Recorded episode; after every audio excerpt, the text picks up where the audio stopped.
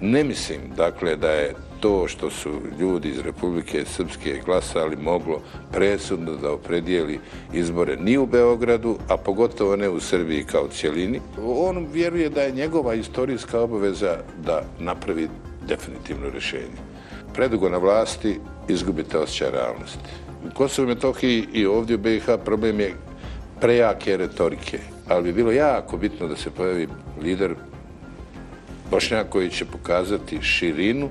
Trenutno e, u trojici ne vidim lidera koji pokazuje spremnost takve vrste. Ja volio biti u drugoj kategoriji u Evropskoj uniji nego biti prva kategorija van Evropske unije.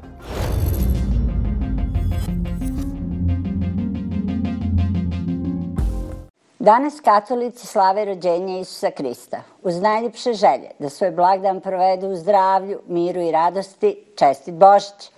Kako je u našoj Bosni i Hercegovini odvijek i običaj, mi i praznike provodimo družeći se i uvažavajući se, pa čak i onda kada virimo u komšiluk. Pričat ćemo upravo o tome, jer za razliku od naših uobičajenih žalbi, kako se ovdje susjedi miješaju izbore, svjedočimo Kopernikanskom obratu.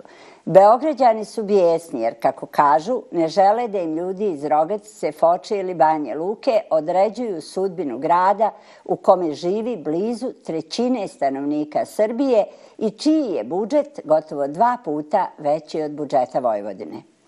Pobjednik srbijanskih izbora je, nimalo neočekivano, lista koja nosi ime tamošnjeg predsjednika Aleksandra Vučića, Ali buni se srbijanska opozicija koja je vjerovala u drugačiji ishod u Beogradu, a međunarodni promatrači su registrirali čitav niz nepravilnosti. O Srbiji i politici s ove i one strane Drine pričamo sa možda i najvećim znalcem. Naš je gost Mladen Ivanić, počasni predsjednik PDP-a. Rođen je u Sanskom mostu i može se reći da je skoro sve obavio prije rata. U Banjoj Luci završio ekonomski fakultet, u Beogradu magistrirao i doktorirao.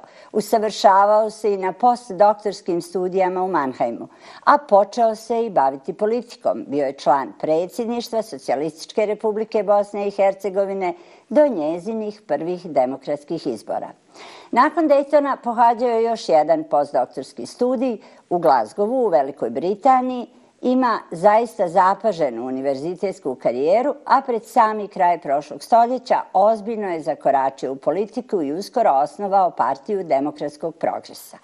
Bio je predsjednik vlade Republike Srpske i ministar spoljnih poslova Bosne i Hercegovine i član kolegija Doma naroda parlamenta Bosne i Hercegovine i konačno član predsjedništva Bosne i Hercegovine.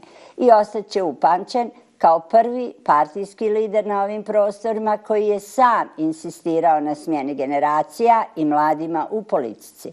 Od kraja novembra 2015. PDP ima novog lidera Branislava Borenovića. Dobro nam došli. Bolje vas našao. Zaista mi je drago. Teme su vruće, iako praznične šta ćemo, tak, tako je to na Balkanu. Hoćemo li krenuti od Beograda? Danas studenti blokiraju. Sinoć su bili neredi, bilo je i batina, policija tvrdi da je i policija dobila batine. Studenti su pokazivali snimke koji su najblaže rečeno uznemirujući. Šta će biti sa izborima u Beogradu? Pa vidjet ćemo, narednih dana će to da zavisi. Moj osjećaj da neće biti ništa posebno. Ja, ja iskreno očekujem da bi moglo doći do ponavljanja izbora u Beogradu, zato što tu niko nije pobijedio između ostalog. Ja, lista ta, Nestorovića nije za spominjanje. Ona, pa jeste za spominjanje jer je on vrlo specifično jedno iznenađenje, ali iz onoga što je rekao stiče se ucek da ni sa kim neće, bez njega nije moguće napraviti nijedne strane većinu i moj neki osjećaj da bi moglo doći do ponavljanja izbora, čime bi vjerovatno i dio ovih zahtjeva opozicije bio onda e, na neki način zaokružen, a nema druge po meni trenutno alternative, osim ako Nestorović ne promijeni i njegova ekipa svoj stav i ne uđu u neku vrstu koalicije sa SNS-om. To je vrlo teško danas reći, e, vrlo problematično prognozirati, e, tako da stičem utisak da bi možda sve moglo da zadovolji ponavljanje izbora. koji... Jedni i drugi bi bili Niko ne bi bio poražen. Našao bi se neki balans koji, koji, koji...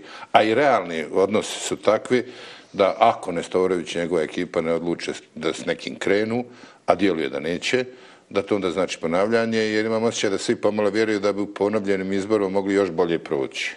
E, da, ali je e, pomalo zaprepašćujuća količina snimaka koja je izronila nakon, navikli smo mi i, i ovdje i na bugarske vozove i na, i na mrtve na biračkim spiskovima, ali u istinu se doima da i uz ocjene stranih promatrača da je bilo baš ozbiljnih problema u samom Beogradu. Za ostala mjesta nemamo, nema informacija. Ja nisam, kako bi rekao, neki ekspert da sad ja mogu to da ocjenjujem, procjenjujem, nisam ni pratio.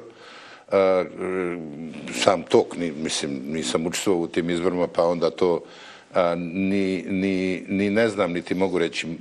Sa strane gledano, ja nisam stekao ucak da je tu nešto bilo drugačije od, odnosno ono što, sve, što se ranije godina događalo. Ono što jeste novo, jeste taj ambijent koji se stvara oko glasanja ljudi iz Republike Srpske.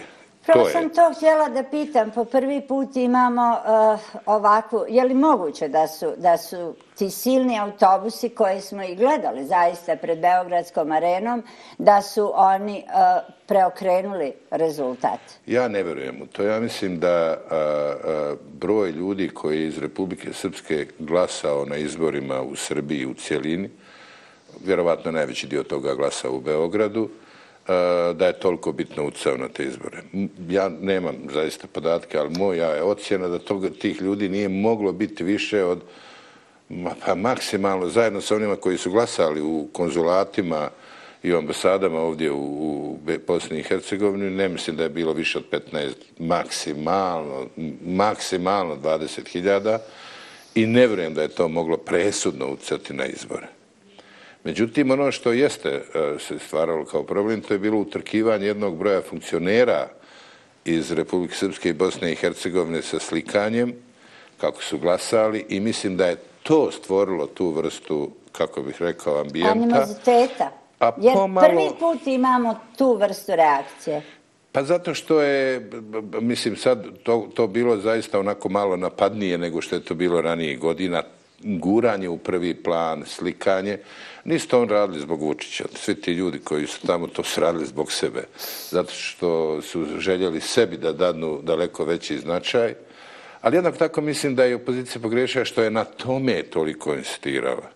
Ne mislim, dakle, da je to što su ljudi iz Republike Srpske glasali moglo presudno da opredijeli izbore ni u Beogradu, a pogotovo ne u Srbiji kao cijelini. I mislim da se kako vrijeme prolazi pokazuje da je to otprilike tako. O nekim drugim njihovim unutrašnjim razlikama, prilikama, zloupotrebama, to je stvar koju oni sami tamo treba da razriješe. A ja ne volim taj ambijent koji se sad stvorio, e, neke vrste podjele u kome se na Srbe iz Republike Srpske gleda malte ne kao na neke E, neprijatelji iz jednog dijela javnosti, ne iz cijele javnosti, ali je i na tom pitanju javnost u Srbiji podijeljena, a mislim da to nije, jednostavno nije dobro. Dakle, odgovornost po mom uvjerenju za ono što sad događa podjednako snoše ovi koji se toliko takmičili da se dodvore i to opet ponavljam, ne zbog Vučića, nisu oni, niko od njih nije Vučiću nešto trebao, jer vidjeli se to u izbornoj kampanji nije ih bilo u izbornoj kampanji, ali oni su tu noć iskoristili da bi sebe u vlastitoj javnosti ovdje pokazali kao moćne. Mislim da je i opozicija pogriješila što je toliko insistirala na toj temi, jer ponavljam, ne mislim da je ona bila presudna. E, zanimljivo je. I gospodin Dodik i gospodin Nešić, dakle o njima dvojici govorimo, oni su se i slikali u štabu SNS-a, e, imaju zaista zakonsko pravo da glasaju da glasaju i na lokalnim izborima, s obzirom na to da e, gospodin Nešt zapravo je ministar, to smo sad i saznali, to nam je rekao srbijanski predsjednik, on je ovdje na privremenom radu, on živi u Novom Sadu zapravo, porodica mu je tamo, a gospodin Dodik je jeli, kao vlasnik e, vile na Dedinju, ima pravo i na mjesto prebivališta. No ovaj put je e, on glasao u Banjoj Luci. Mister na Dodika? Da. Pa Dodik je i ranije glasao u Banja Luci dominantno. Nije on nikad, koliko ja znam, glasao... Nije se trudio da... U, u, koliko ja znam, on nije glasao u Beogradu. Nešća ne znam i nisam ni pratio da budem iskren njegova ponašanja u prošlom vremenu. Ali moj, šta kakva je to poruka ma, generalni moj stav je u principu, me pazite, mislim da nije bilo toliko slikanja niko i tolikog medijskog naduravanja, niko i, ni u Srbiji ne bi na to baš pretjerano obratio pažnje, ali ponavljam, broj ljudi uopšte nije tako velik kao što e, se htio predstaviti.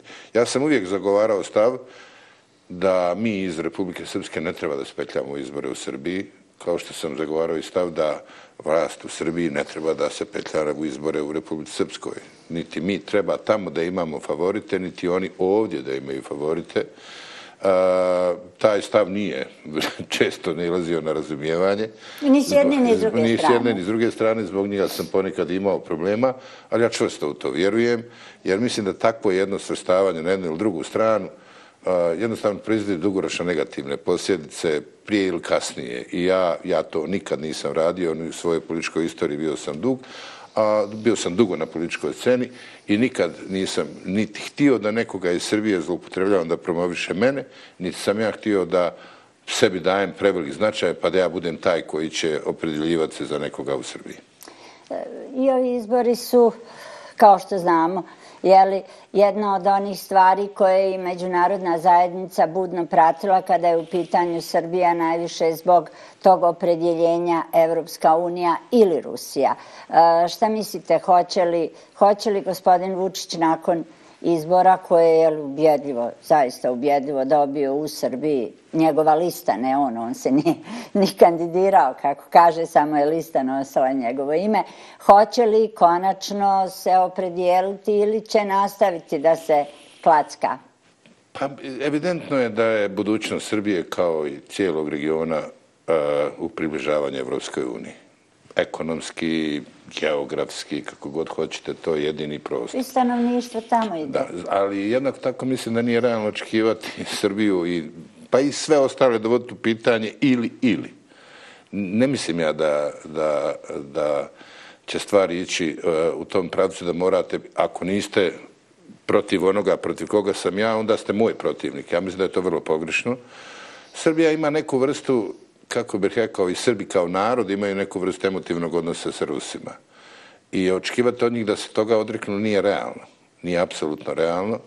Uh, mislim da je Srbija vrlo jasno rekla da osuđuje uh, napad i rat u Ukrajini, da je vrlo jasno rekla da zbog, i zbog vlastitih interesa ona podržava uh, jedinstvo Ukrajine, ali je jednostavno rekla da jedino gdje ne radi ono što se od nje očekuje, to je uvođenje sankcija.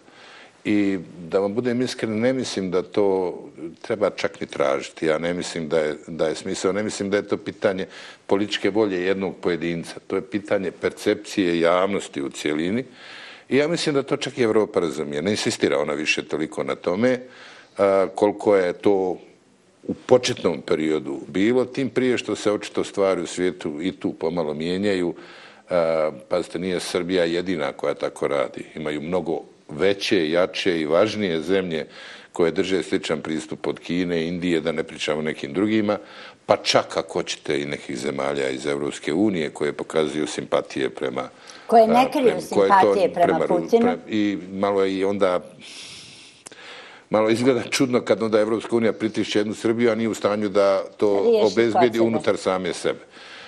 Ne mislim ja da će se doći do opredeljivanja. Iskreno mislim da bi uključivanjem Srbije u Evropsku uniju čitav region dobio na smirivanju prilika, da bi to jako podstaklo i ostale zemlje. I ja se nadam da će Evropa to shvatiti i okrenuti se u tom pravcu. A, mislim da bi to bilo izuzetno značajno, a time bi se na neki način a, posredno autoritet Evropske unije ovdje digao.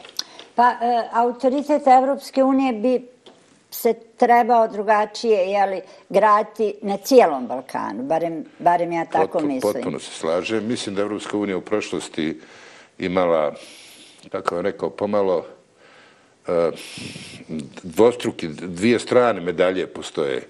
Jedna uvijek oficijalno se on tvrdili vrata su otvorena, vrata su otvorena. Ja se dobro sjećam 2005. godine jednog neformalnog sastanka lidera Evropske narodne partije, ja sam kao predsjednik PDP-a i tada ministar pristao u tom sastanku kada je bilo jasno rečeno, da poslije Hrvatske desetljećima neće biti proširenja. Evo, mi smo skoro 20 godina poslije tog sastanka, nema ga i nije na vidiku. E, nadam se da e, je ovo aktuelno poimanje značaja da ove zemlje uđe u Europsku uniju, da će biti trajno, da nije samo privremeno zbog rata u Ukrajini, nego da će biti trajno jer to jeste naša perspektiva. Bez obzira, to je perspektiva i Srbije, po mom dubokom vjerenju, bez obzira na te emotivne odnose sa Rusijom, ekonomski, geografski, bezbjednostno, naša je budućnost u Evropskoj uniji i ja čvrsto u to vjerujem. Kako riješiti Kosovo? Dakle, sve, je, sve je potpisano. Gospodin ja, Ivanću, sve je potpisano. Nemam ja odgovor na to pitanje, niti sam ja ekspert koji to može ovaj, riješiti. Ja mislim da tu nije realno nikakvo brzo, neko spektakularno i trajno rješenje. Da, ali, trajno... ali rješenje da se prihvate sporazumi koje su, koji postoje. Pa da, ali ako gledate to, onda ćete veću odgovornost trenutno imati na strani vlasti u Kosovu, odnosno u Prištini koja nije prihvatila to formiranje zajednice srpskih opština, a potpisali su njihovi nosioci vlasti e, svoje vremeno. Opet je tu e, ključna odgovornost na Evropskoj uniji. Ona je bila autor, ona je bila sponsor pregovora i ona je ta koja mora obezbijediti da se ti pregovori dovedu, dovedu do kraja, odnosno da se ti, da se to što je dogovoreno provede u praksi. Ja ne očekujem da je tu neko trajno rješenje, kako bih rekao, definitivno rješenje moguće, posebno ne, barem ne iz mog životnog perioda. Ja ga ne vjerujem da ću ga ja dočekati, jer ono podrazumijeva tako dramatične ustupke, bilo jedne, bilo druge strane, koje niko u ovom trenutku nije u stanju da obezbijedi i ja čak ne mislim da se na tome treba toliko insistirati. Treba insistirati na tome da se život odvija koliko toliko normalno, i da se dio tih sporazuma, da se svi sporazumi koji su potpisani slobodnom voljom dvije strane provedu do kraja. Dio tih sporazuma se provodi. Ja moram reći da ja kad putujem kroz Srbiju, ja vidim autobuse sa registracijama Kosova koji prolaze za zapadnu Evropu. Imao sam priliku da ih vidim i dakle to je nešto što, ajde, smatram pozitivnim. Ali jednako tako ja sam bio na Kosovo i Metohiji 2018. godine. I imao sam priliku i nisam bio na sjevernom dijelu koji je dominantno ovaj, ajde, sad većinom, srpskom većinom. Bio sam ja i na jugu gdje ima jako puno Srba koji žive u tim enklavama. Bio sam i u Dečanima, bio sam i u Gračanici, bio sam i u Prizrenu, bio sam u, u Hoči, bio sam dakle na mjestima gdje zaista žive Srbi. Vjerujte, nije lako tamo biti Srbi. E, to, to je jasno. Dakle, već odavno nije ni malo lako. Međutim, e, situacija se dodatno, e, dodatno komplicira. Svako malo imamo problem, novi, a nedavno e, znate da je incident u Bajanskoj, već je gospodin Radojičić sam preuzeo odgovornost sukobi sigurno nisu rješenje. Sukobi nikom ne trebaju, sukobi su e, loši, sukobi su katastrofa, sukobi su posebno katastrofa za e, najmanje brojan narod u ovom trenutku na Kosovo Metohije, to je srpski narod. Prema tome nama treba neka vrsta generalno u regiji, a posebno meni kao nekom ko pripada srpskom narodu i ko jako razumije kako ti ljudi dolje žive. Ja mislim da sam među rijetkim srpskim političarima koji su nakon bombardovanja tri puta bili na Kosovo Metohiji. Ja sam bio, ja tome nikad nisam nikad to nisam nešto promovisao, nego sam to više smatrao nekom vrstom svoje ljudske i moralne obaveze a, i razgovarao s tim ljudima i među tim ljudima zaista koji dolje žive imate bukvalno ljudi koji, koji, koji zaista zaslužuju svi, sav mogući, sav svu moguću podršku, posebno ti ljudi koji su dolje u enklavama i koji pokušavaju da sačuvaju svoj identitet. Da, dakle, ne očekujem neko spektakularno krajnje rješenje. Ali relaksacija odnosa bi to sigurno da, svima pomogla. To da, ali pa relaksacija odnosa pomogla nama u BiH, pa ne relaksiramo odnos. Sve se svodi... Nama sa Kosovom i, i vizom ili nama unutar nas? E, ma unutar nas prije svega, mislim, imamo i, i, i na Kosovo i Metohiji i ovdje u BiH problem je prejake retorike, prevelikih, teških riječi, nas prejaka a, riječ. a manje konkretnih poteza koliko teških riječi. I te teške riječi su inače karakteristika, ovaj, sjećam se dobro, patrijar Pavle je rekao, ko puno galami i upotrebljava teške riječi, ima slabe argumente. Dakle, sad već pričamo o gospodinu Miloradu Dodiku. On ih, Pa samo, baca. ne samo o njemu, on je šampion što se tiče teških riječi, ali nije jedini. Ima i drugih koji to malo, kako je rekao, prikriveni rade, ali jednako doprinose stvaranju loše tenzije, lošeg ambijenta u Bosni i Hercegovini. Vi kad pogledate, mislim, ta teška retorika ničemu ne vodi. Nema, nemate vi ništa konkretno poslije te retorike, nijednog konkretnog poteza, osim jednog mučnog osjećaja, međusobnog vrijeđanja i tolikog udaljavanja da je to po meni potpuno besmisleno. E, s tim bi se bilo jednostavno složiti da zadnju godinu od kada je formirana trojka e, i od kada je formirana vlast e, sa, sa SNS-om na državnom nivou, zaista se gospodin Dodik nije izdvojio kao ubjedljivo najveći problem. Čak e, ne čujemo gospodina Čovića da ima, ima primjedbi, povremeno se javi oko izbornog zakona, to su, to su njegove teme. Kako ovo riješiti? Pa ja ne znam šta, je, šta se desilo sa Todikom.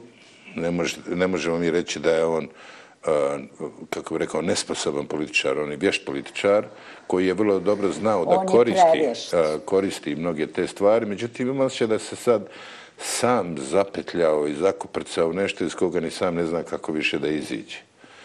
Uh, retorika mu je prejaka, a rekao bih i nepotrebna. Naime, tom svojom retorikom on često i dio argumenta koji i postoje, zna do te mjere, kako bih rekao, upotrebiš malo ružan izraz, zgaditi, da onda i kad imate argumente, zbog toga stilom kojim on to govori, niko vam ozbiljno te argumente ne tretira. Šta je razlog, ja zaista ne znam, nisam imao priliku sa njim da se vidim, Boga mi već, ja mislim, 4-5 godina. Da li je to taj jedan osjećaj? Ja ne mislim, mnogi kažu to je on radi da bi ostao na vlasti. To jeste u jednom trenutku koristilo ostanku na vlasti, ali ja iskreno mislim da pomalo kao i svakog ko je predugo na vlasti, njega hvata osjećaj da je on taj koji neke spektakularne promjene mora da obezbedi, jer nakon njega neće biti ništa. Kao svaki lider koji dugo bude... Ali doprinosi da nakon njega bude zaista potop sa načinima na, kojim, na koje se ponaša. On vjeruje da je njegova istorijska obaveza da napravi definitivno rješenje. Eh, ja iskreno mislim da je to što on misli nemoguće ovim uslovima uraditi, kao što mislim, dakle, ja iskreno mislim nemoguće u ovom trenutku očekivati bilo kako nezavisnu Republiku Srpsku, kao što mislim da oni koji vjeruju da je moguće ukinuti Republiku Srpsku, jednako tako i to nemoguće. To, to, to su dvije teme koje su potpuno besmislene, iracionalne. Mi 20 godina uh, E, imamo zastupanje jedne ili druge teze, a ništa se nije promijenilo. Suštinski, osnovni elementi uređenja Bosne i Hercegovine su takvi kako su ostali. Ja ne mislim da postoji mogućnost da se one brzo promijene. E, pazite, pa ste Bosna i Hercegovina uz sve naše iracionalnosti je jedan od najuspješnijih primjera međunarodne intervencije u, u, u, u 20. vijeku. Poslije toga nije bilo ni jednog takvog slučaja da se uh, desilo da jedan, jedan prostor koji je bio u ratu uđe u relativnu smirenu i normalnu situaciju. Zašto se to desilo? Zato što su velike sile bile jedinstvene. Pazite, Dejtonski sporazum jesu ključni autori Amerikanci, ali su iza njega stajali i Rusi i Evropska unija. Jednako tako su i Turska, i Hrvatska, i Srbija, kao bitni akteri ovdje, da. neću reći presudni, uslova da se nešto tako desi u savremenim uslovima jednostavno nema. Tako da ja mislim da je potpuno nerealno očekivati neke spektakularne promjene. Drugo, naše uređenje nije ni malo komplikovanije nego što je švajcarsko ili belgijsko, ali ima jedna bitna razlika. Oni tamo su istinski prihvatili ta rješenja. Mi nismo. Ovdje nijedna... Jer mi nismo ili nisu političke elite? Političke mislim... elite, na to mislim, političke elite, ne mislim... Jer, mislim, vi pogledajte odnos ljudi. Ne, pazite, u odnosu na retoriku, ljudi žive relativno normalno.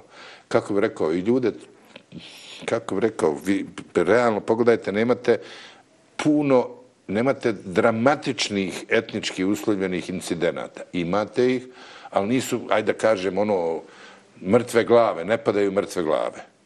U odnosu na retorku očekivalo bi se to. Dakle, ljudi e, su prihvatili to i ljudi to svjesno ili nesvjesno prihvataju. Međutim, političke elite nisu. Svako, svakog pokušao da prevari. Ali bukvalno da prevari. A nemoguće, nemoguće je prevara u ovakvim uslovima i daj Bože da se desi. Ja bi volio. Ja mislim da je bila šansa, ali nažalost ona je propala u, u periodu kada smo bili e, Čović, ja i Zadbegović u predsjedništvu. To je predsjedništvo koje je imalo tri jake ličnosti koje su imale autoritet u vlasti toj sredini da mogu nešto da obezvide. Prve godine dvije, bila je vrlo pristojna, vrlo dobra, a onda se ušlo i u našem periodu besmislene sukobe koji ničemu nisu vodili i mislim da je ta šansa izgubljena. Trenutno u predsjedništvu ipak nemate čelne ljude. Ja uvažavam svakog od njih, ali ipak niko od njih nije lider te vrste da može da obezbijedi bitno smirivanje situacije. Većina i njih gleda samo kako će biti ponovo izabrana. Ko je u tom vašem mandatu bio problem?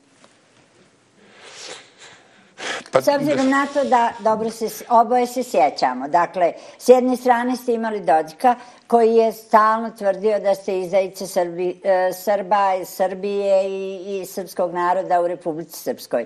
Ovamo ste imali lidere SDA i HDZ-a, dakle, e, i jedan i drugi su i dan danas lideri svojih partija. E, kako Zašto onda recimo nije bio neki bolji dogovor? U to doba je Čović puno više surađivao sa Dodikom. E, gledajte, ja sam imao vlastitu političku koncepciju koja je podrazumijevala da Bosna i Hercegovina treba da uđe u fazu smirivanja i da sve velike, krupne stvari oko kojih se ne možemo dogovoriti trebamo staviti na stranu, a da se okrenemo stvarima oko kojih možemo da dogovorimo da malo smirimo opštu situaciju. E, Bosna i Hercegovina dugoročno E, zbog činjenice da je bošnjački narod najbrojniji, podrazumijeva ja jednog lidera, bošnjačkog lidera koji će imati širinu. Koji će imati širinu i koji će imati hrabrost da napravi ponekad i neke poteze koji možda većina tog trenutka neće razumjeti, ali koji dugoročno može da ima smirujuće okolnosti. Nažalost, ja takvog lidera ne vidim. Dodik svojim potezima, i svojom retorkom ispriječava da se takav jedan lider pojavi, ali bi bilo jako bitno da se pojavi lider Bošnjak koji će pokazati širinu i uvjeren se da bi i, i spremnost na te kompromise i pre, ne, ne insistirati stalno na nekim tim mantrama koje se, koje se definišu, mislim da to bi bilo bitno za BiH. On bi takav lider bi automatski nekog ko ovako govori kao Dodik potpuno stavio u stranu i ne bi bio uopšte aktuelan, ne bi bio zanimljiv. E, ne, nažalost, ja trenutno to ne vidim. E, volio bih, mislio sam da je to svoje vremeno mogao biti e, gospodin Izetbegović jer je imao autoritet. Međutim, očito je da, da je to bilo preizazovno za njega jer on nije imao dovoljno podrške ili čak i same svoje spremnosti da tako nešto uradi. Trenutno e, u trojici ne vidim lidera koji pokazuje spremnost takve vrste. Ne mogu reći, oni su, što se retorike tiče, puno blaži nego što je e, bio Dodik i nego što je sam Bakir, ali nema tu snage koja može obezbijediti taj ozbiljan iskorak, tako da se bojim da ćemo i u godinama koje su pred nama ovako tavoriti i sve na vrijeme imati te velike riječi od kojih konkretno ništa neće biti, e, svađe, naduravanja, a bez pravog e, krajnjeg rezultata, osim što ćemo kao zemlja tavoriti. E, tom našem tavorenju e, nemilice doprinosi ovakav dodikov odnos prema ambasadorima pa i Evropske unije, ali zaista je najotrovniji kad su u pitanju visoki predstavnik i, i, i gospodin a, a, Michael Murphy, američki ambasador u našoj zemlji. E, ja ne razumijem te, te njegove poteze. Šta on time želi postići? Jer e, jedino bi nekim dogovorom bilo logično očekivati da se smanjuje utjecaj visokog predstavnika. Je li tako? Mislim, ja zaista ne znam. Nisam u njegovoj koži, pa ne znam šta mu je u glavi, ali ja iskreno smatram da je to kontraproduktivno, pa čak ako hoćete i politički glupo. Pa dojima se da je glupo. Za mene je tako to. Ja, ja to, ne, ja ne vidim krajnji rezultat svega toga, osim ako Dodik ne misli da je on u stanju da pobjedi Sjedinjene američke države, njihovog ambasadora ovdje. Mislim, bez obzira što ti ambasadori budu i prođu, to znam i ja, nije on jedini koji to zna. Ali ostaje, ostaje, ostaje jedna vrsta politike, ostaje jedna vrsta politike i sasvim sigurno sa promjenama Sadora politika velikih zemalja se ne mijenja. Pa sjećate se da je gospođu Kormak, e, čim je došla, Eh, zaktio kutlačom i rekao da, da joj je mjesto pored šporeta, ako se ne varam, nešto je tako bilo.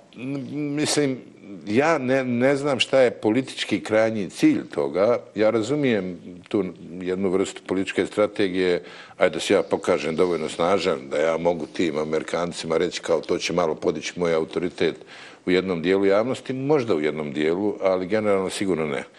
Nama kao eh, narodu, nama kao Srbima ne treba sukob sa Srednjim američkim državama i sa bilo kojom zemljom. Nama ne trebaju lideri koji su u sukobu sa svim, svakim. Šta će nam? Šta, pa dobro, nije u sukobu sa ruskim ambasadorom. Pa dobro, nije, ali pazite, Rusija se zabavila problemima koje ima u svom okruženju. Podaleko smo mi od Rusije i, pravo da vam kažem, ne mislim da je Rusija u nekoj velikoj poziciji da se dovde nešto spektakularno može da napravi, ni ekonomski, pa ni politički.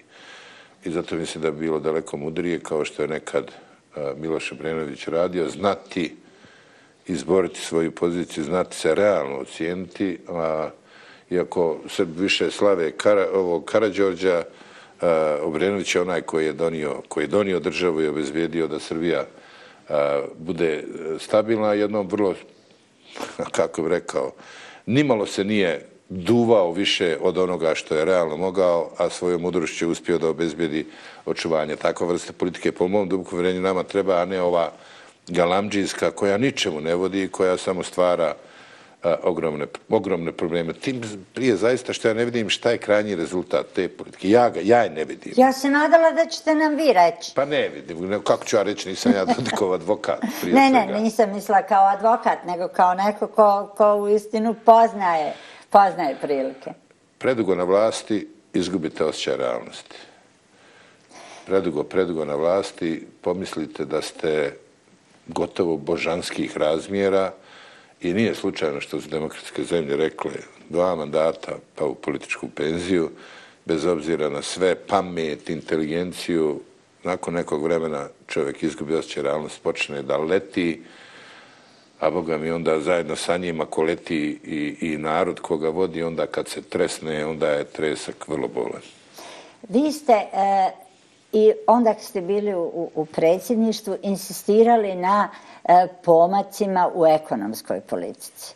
Šta Bosna može i može li?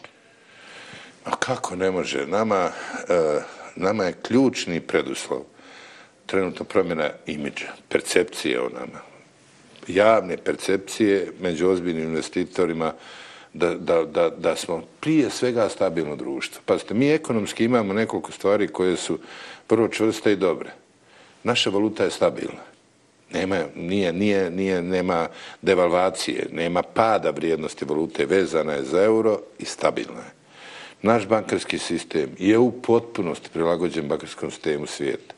Naš sistem eh, uh, PDV-a je predvidiv, nepromjenjiv i kao nešto e, fiksiran i ide automatski, nema, nema politizacije tog procesa. To su ključni elementi za stabilne ekonomske prilike. I glavni problem, naš, mi imamo pristojnu poziciju u okviru Evropske unije, geografsko, ako hoćete, i nakon ovih infrastrukturnih radova, nadam se da ćemo imati dobru infrastrukturu. Jedini problem koji mi imamo je imidž ove zemlje zato što je u njoj dijeluje sve od danas do sutra nepredvidivo a, i ko će ozbiljno ovdje investirati neke svoje pare? Zašto bi investirao kod nas u jednu nepredvidivu zemlju u kojoj se ima Pa osjećaj da stalno se malte ne... prijeti ratom. Pa to stalno se prijeti malte ne pa ratom. Ko će onda investirati? A bez ozbiljnih investitora sa strane, domaći investitori, ovi koji su kod nas bili, Oni oni su su dosta iscrpljeni. i oni ne mogu više. Oni, jer nije realno. Dobar dio njih, upravo zbog ove nepredvidivosti, i sam počinje izvlačiti svoj kapital van BiH. Oni koji su malo stabilniji počinju umjesto ovdje investirati u regiji. Pa ako hoćete i u zemljama a, Zapadne Evrope. Pogledajte koliko ljudi iz, a, sa prostora Republike Srpske i Federacije imate i u, Fede- i u Sloveniji.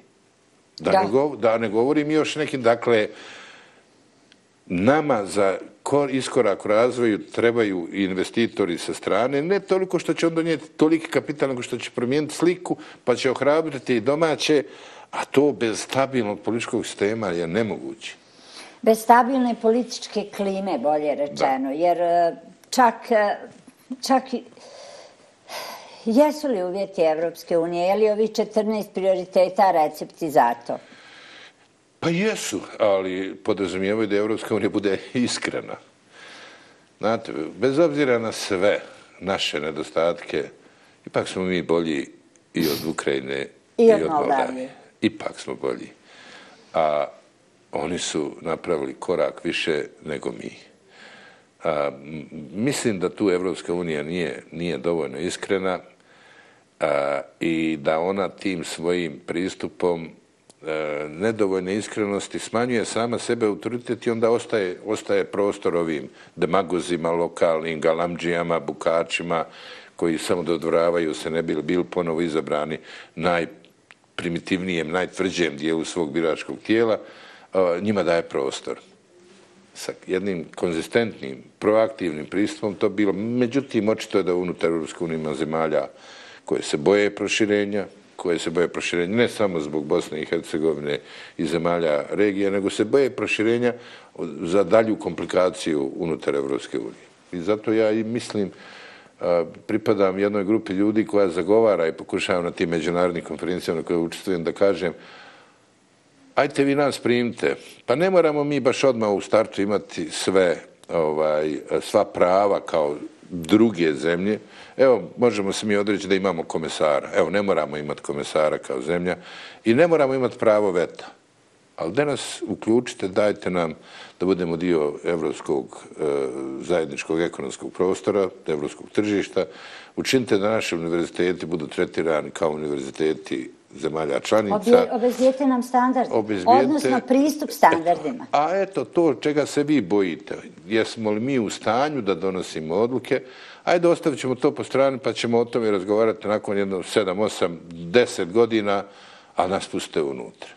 Uh, jedan dio ljudi je protiv toga, smatra kao to je prva i druga kategorija. Pravo da vam kažem, ja volio biti u drugoj kategoriji u Evropskoj uniji nego biti prva kategorija van Evropske unije, jer mislim da to dugoročno ne znači ništa. Možda je ovo malo grubo što govorim, ali mislim da, da, da bi sa nekom novom inovativnom pristupom mi trebali natirati polako Evropsku uniju, da ako niš drugo u pojedinim dijeloma nas prihvata. Ajmo učiniti napor pa im reći ako ste bili u stanju da ukinete roaminge unutar sebe, ajde ukinite roaminge i sa e, našim telekom operaterima. Obećali su tako nešto. Ali nema još ništa. Tako, tu tih obećanja, ja sam dugo u policiji, naslušao sam se ja obećanja masu, ovo vam je zadnji uslov, pa ako ovo ispunite, gotovo je. Pet puta posle toga se desilo, ovo vam je još zadnji Imamo uslov. i iskustvo Makedonije, ja to uvijek Koje- podsjetim. koje je to strašno. koja je strašno prevarena. Užasno.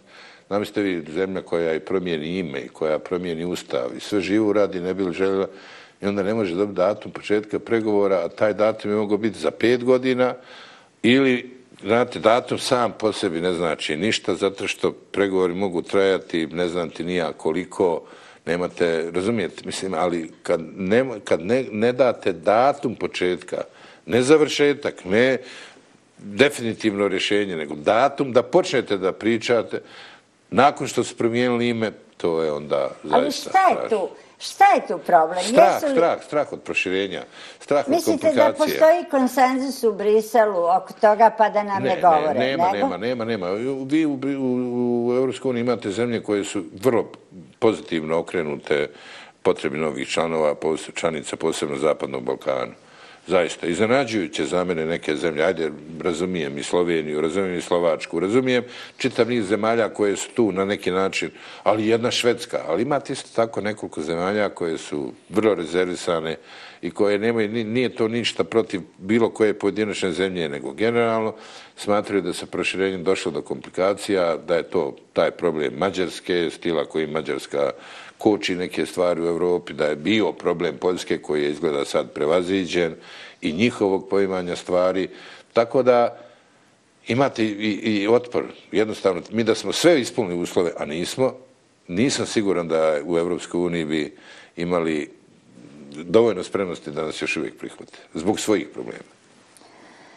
Zato sam, zato sam za postepenost.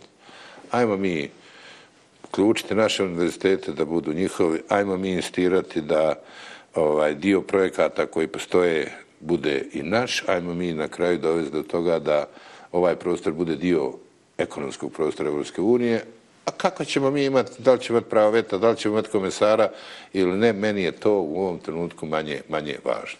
Da Evropska unija istinski smatra šta joj fali da ovim zemljama sad da poslanike da budu u, u Evropskom parlamentu ništa je neko šta, to je politički potez koji mi ne bi mogli ništa nešto presudno utisati, ali bi to neprimjetno natjeralo naša, naše lidere ovdje da budu, da budu drugačiji.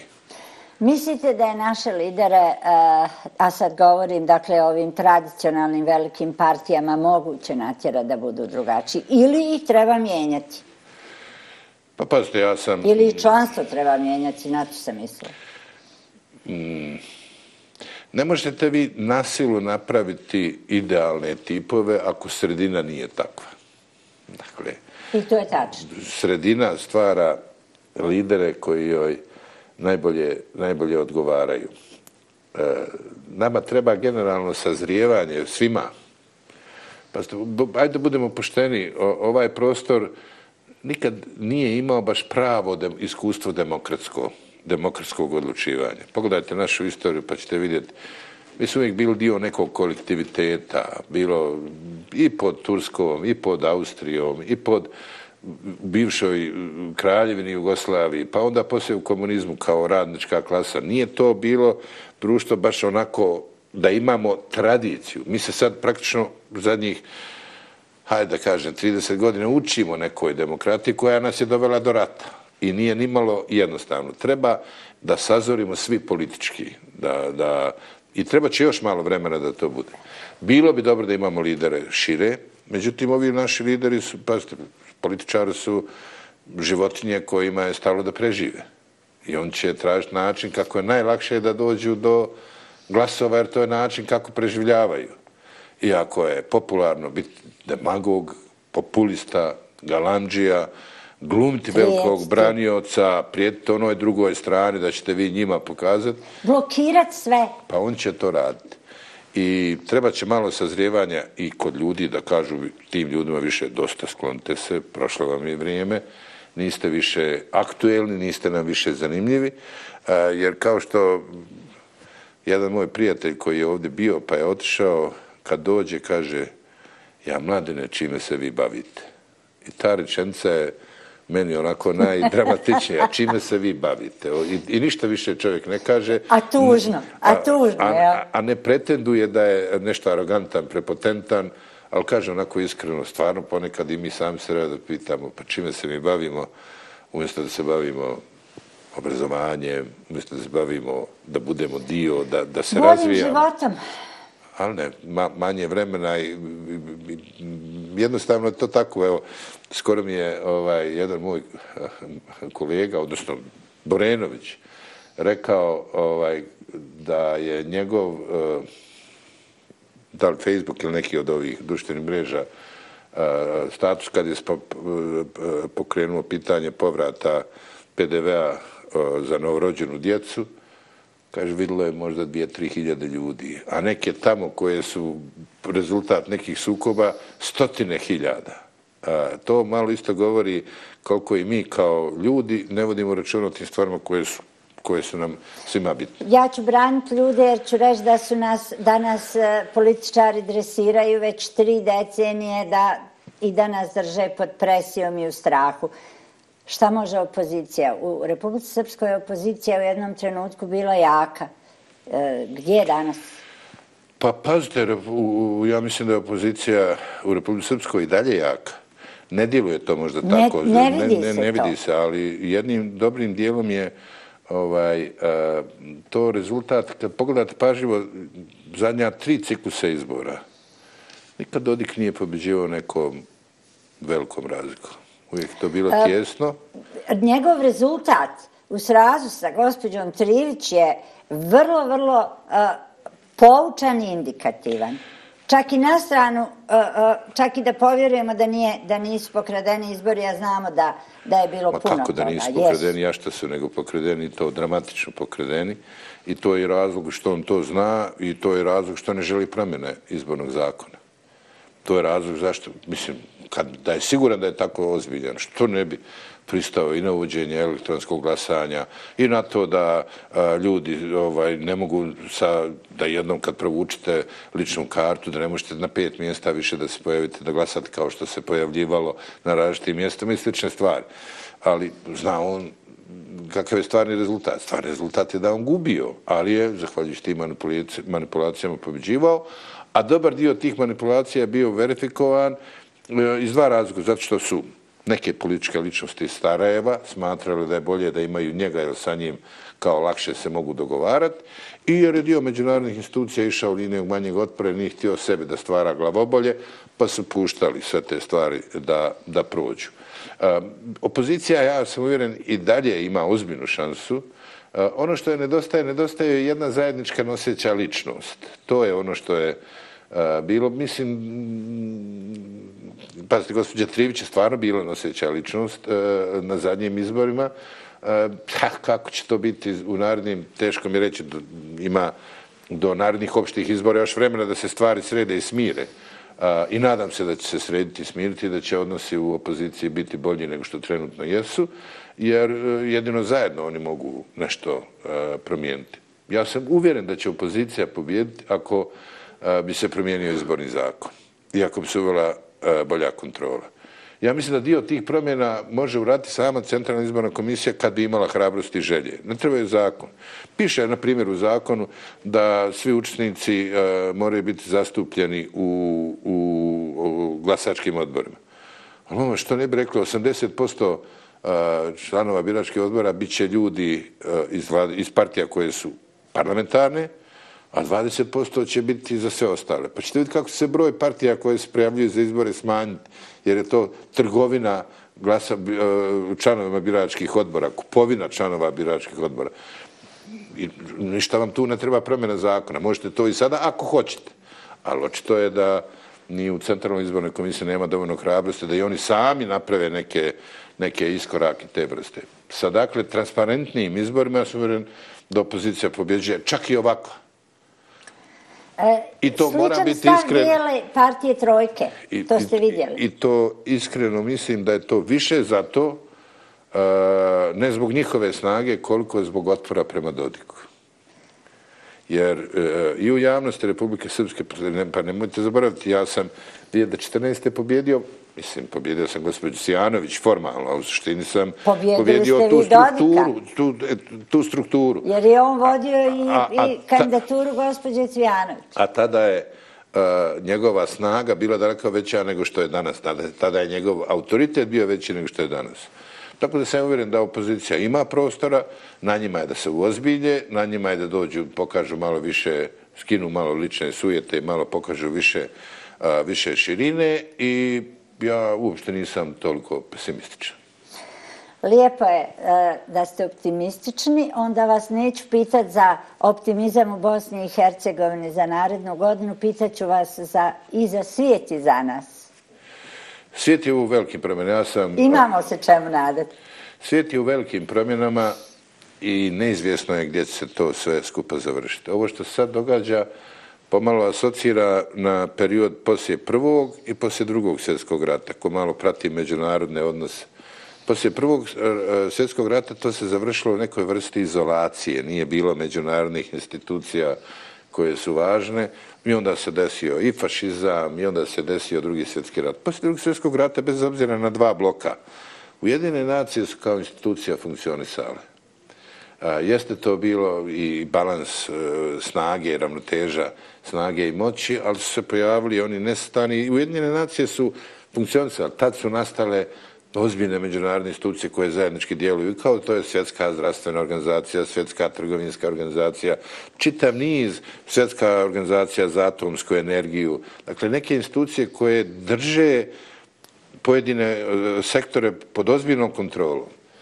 Trenutno Ujedinjene nacije, osim ovih specializovanih institucija koje ozbiljno rade sa posao, kao politički dio zaista nemaju ulogu.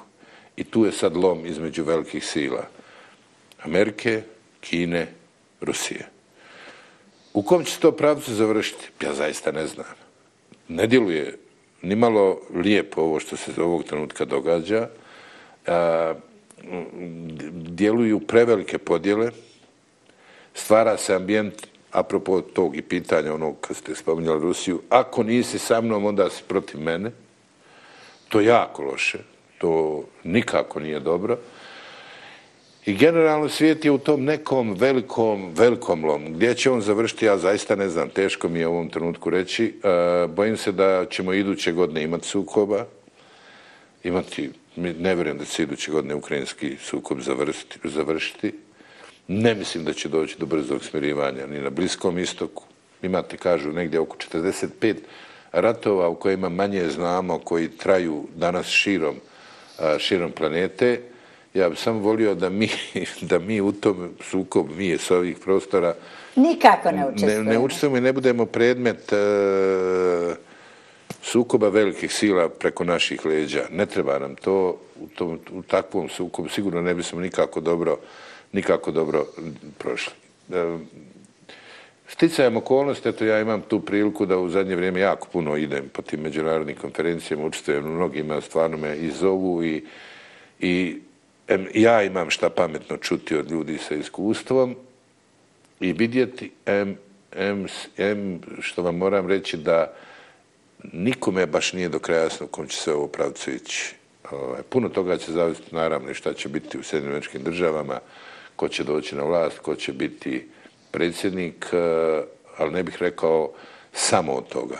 Vidjet ćemo. Neizvjesno je, zaista je neizvjesno u kom pravcu će svijet krenuti. Mi ćemo se nadati da će Evropa shvatiti svoju pogrešku i da ćemo mi u martu otvoriti pregovore, a i da će vlasti Bosne i Hercegovine uh, uspjeti da... Samo mali pozitivni pomak, samo malo, malo jedinstva i manje sukoba, garantujem da ćemo dobiti pregovore. Ali bez tog malog, makar bez, on čak ne mora imati neki sadržaj, samo je bitno promjena slike, uvjeren sam da možemo dobiti e, početak pregovora. Završit ćemo onda s nadom. Hvala najljepša. Bilo bi to sve za večeras. Svima vama želim dobro zdravlje, uspjeh i porodičnu sreću. Svima nama želim mir i neke ljepše vijesti u godini koja dolazi. Sretno. Ostanite s nama uz naše oslobođenje i o kanal pratite naš portal oslobođenje.ba i naše podcaste. Vidimo se do godine, direktno pa šta bude.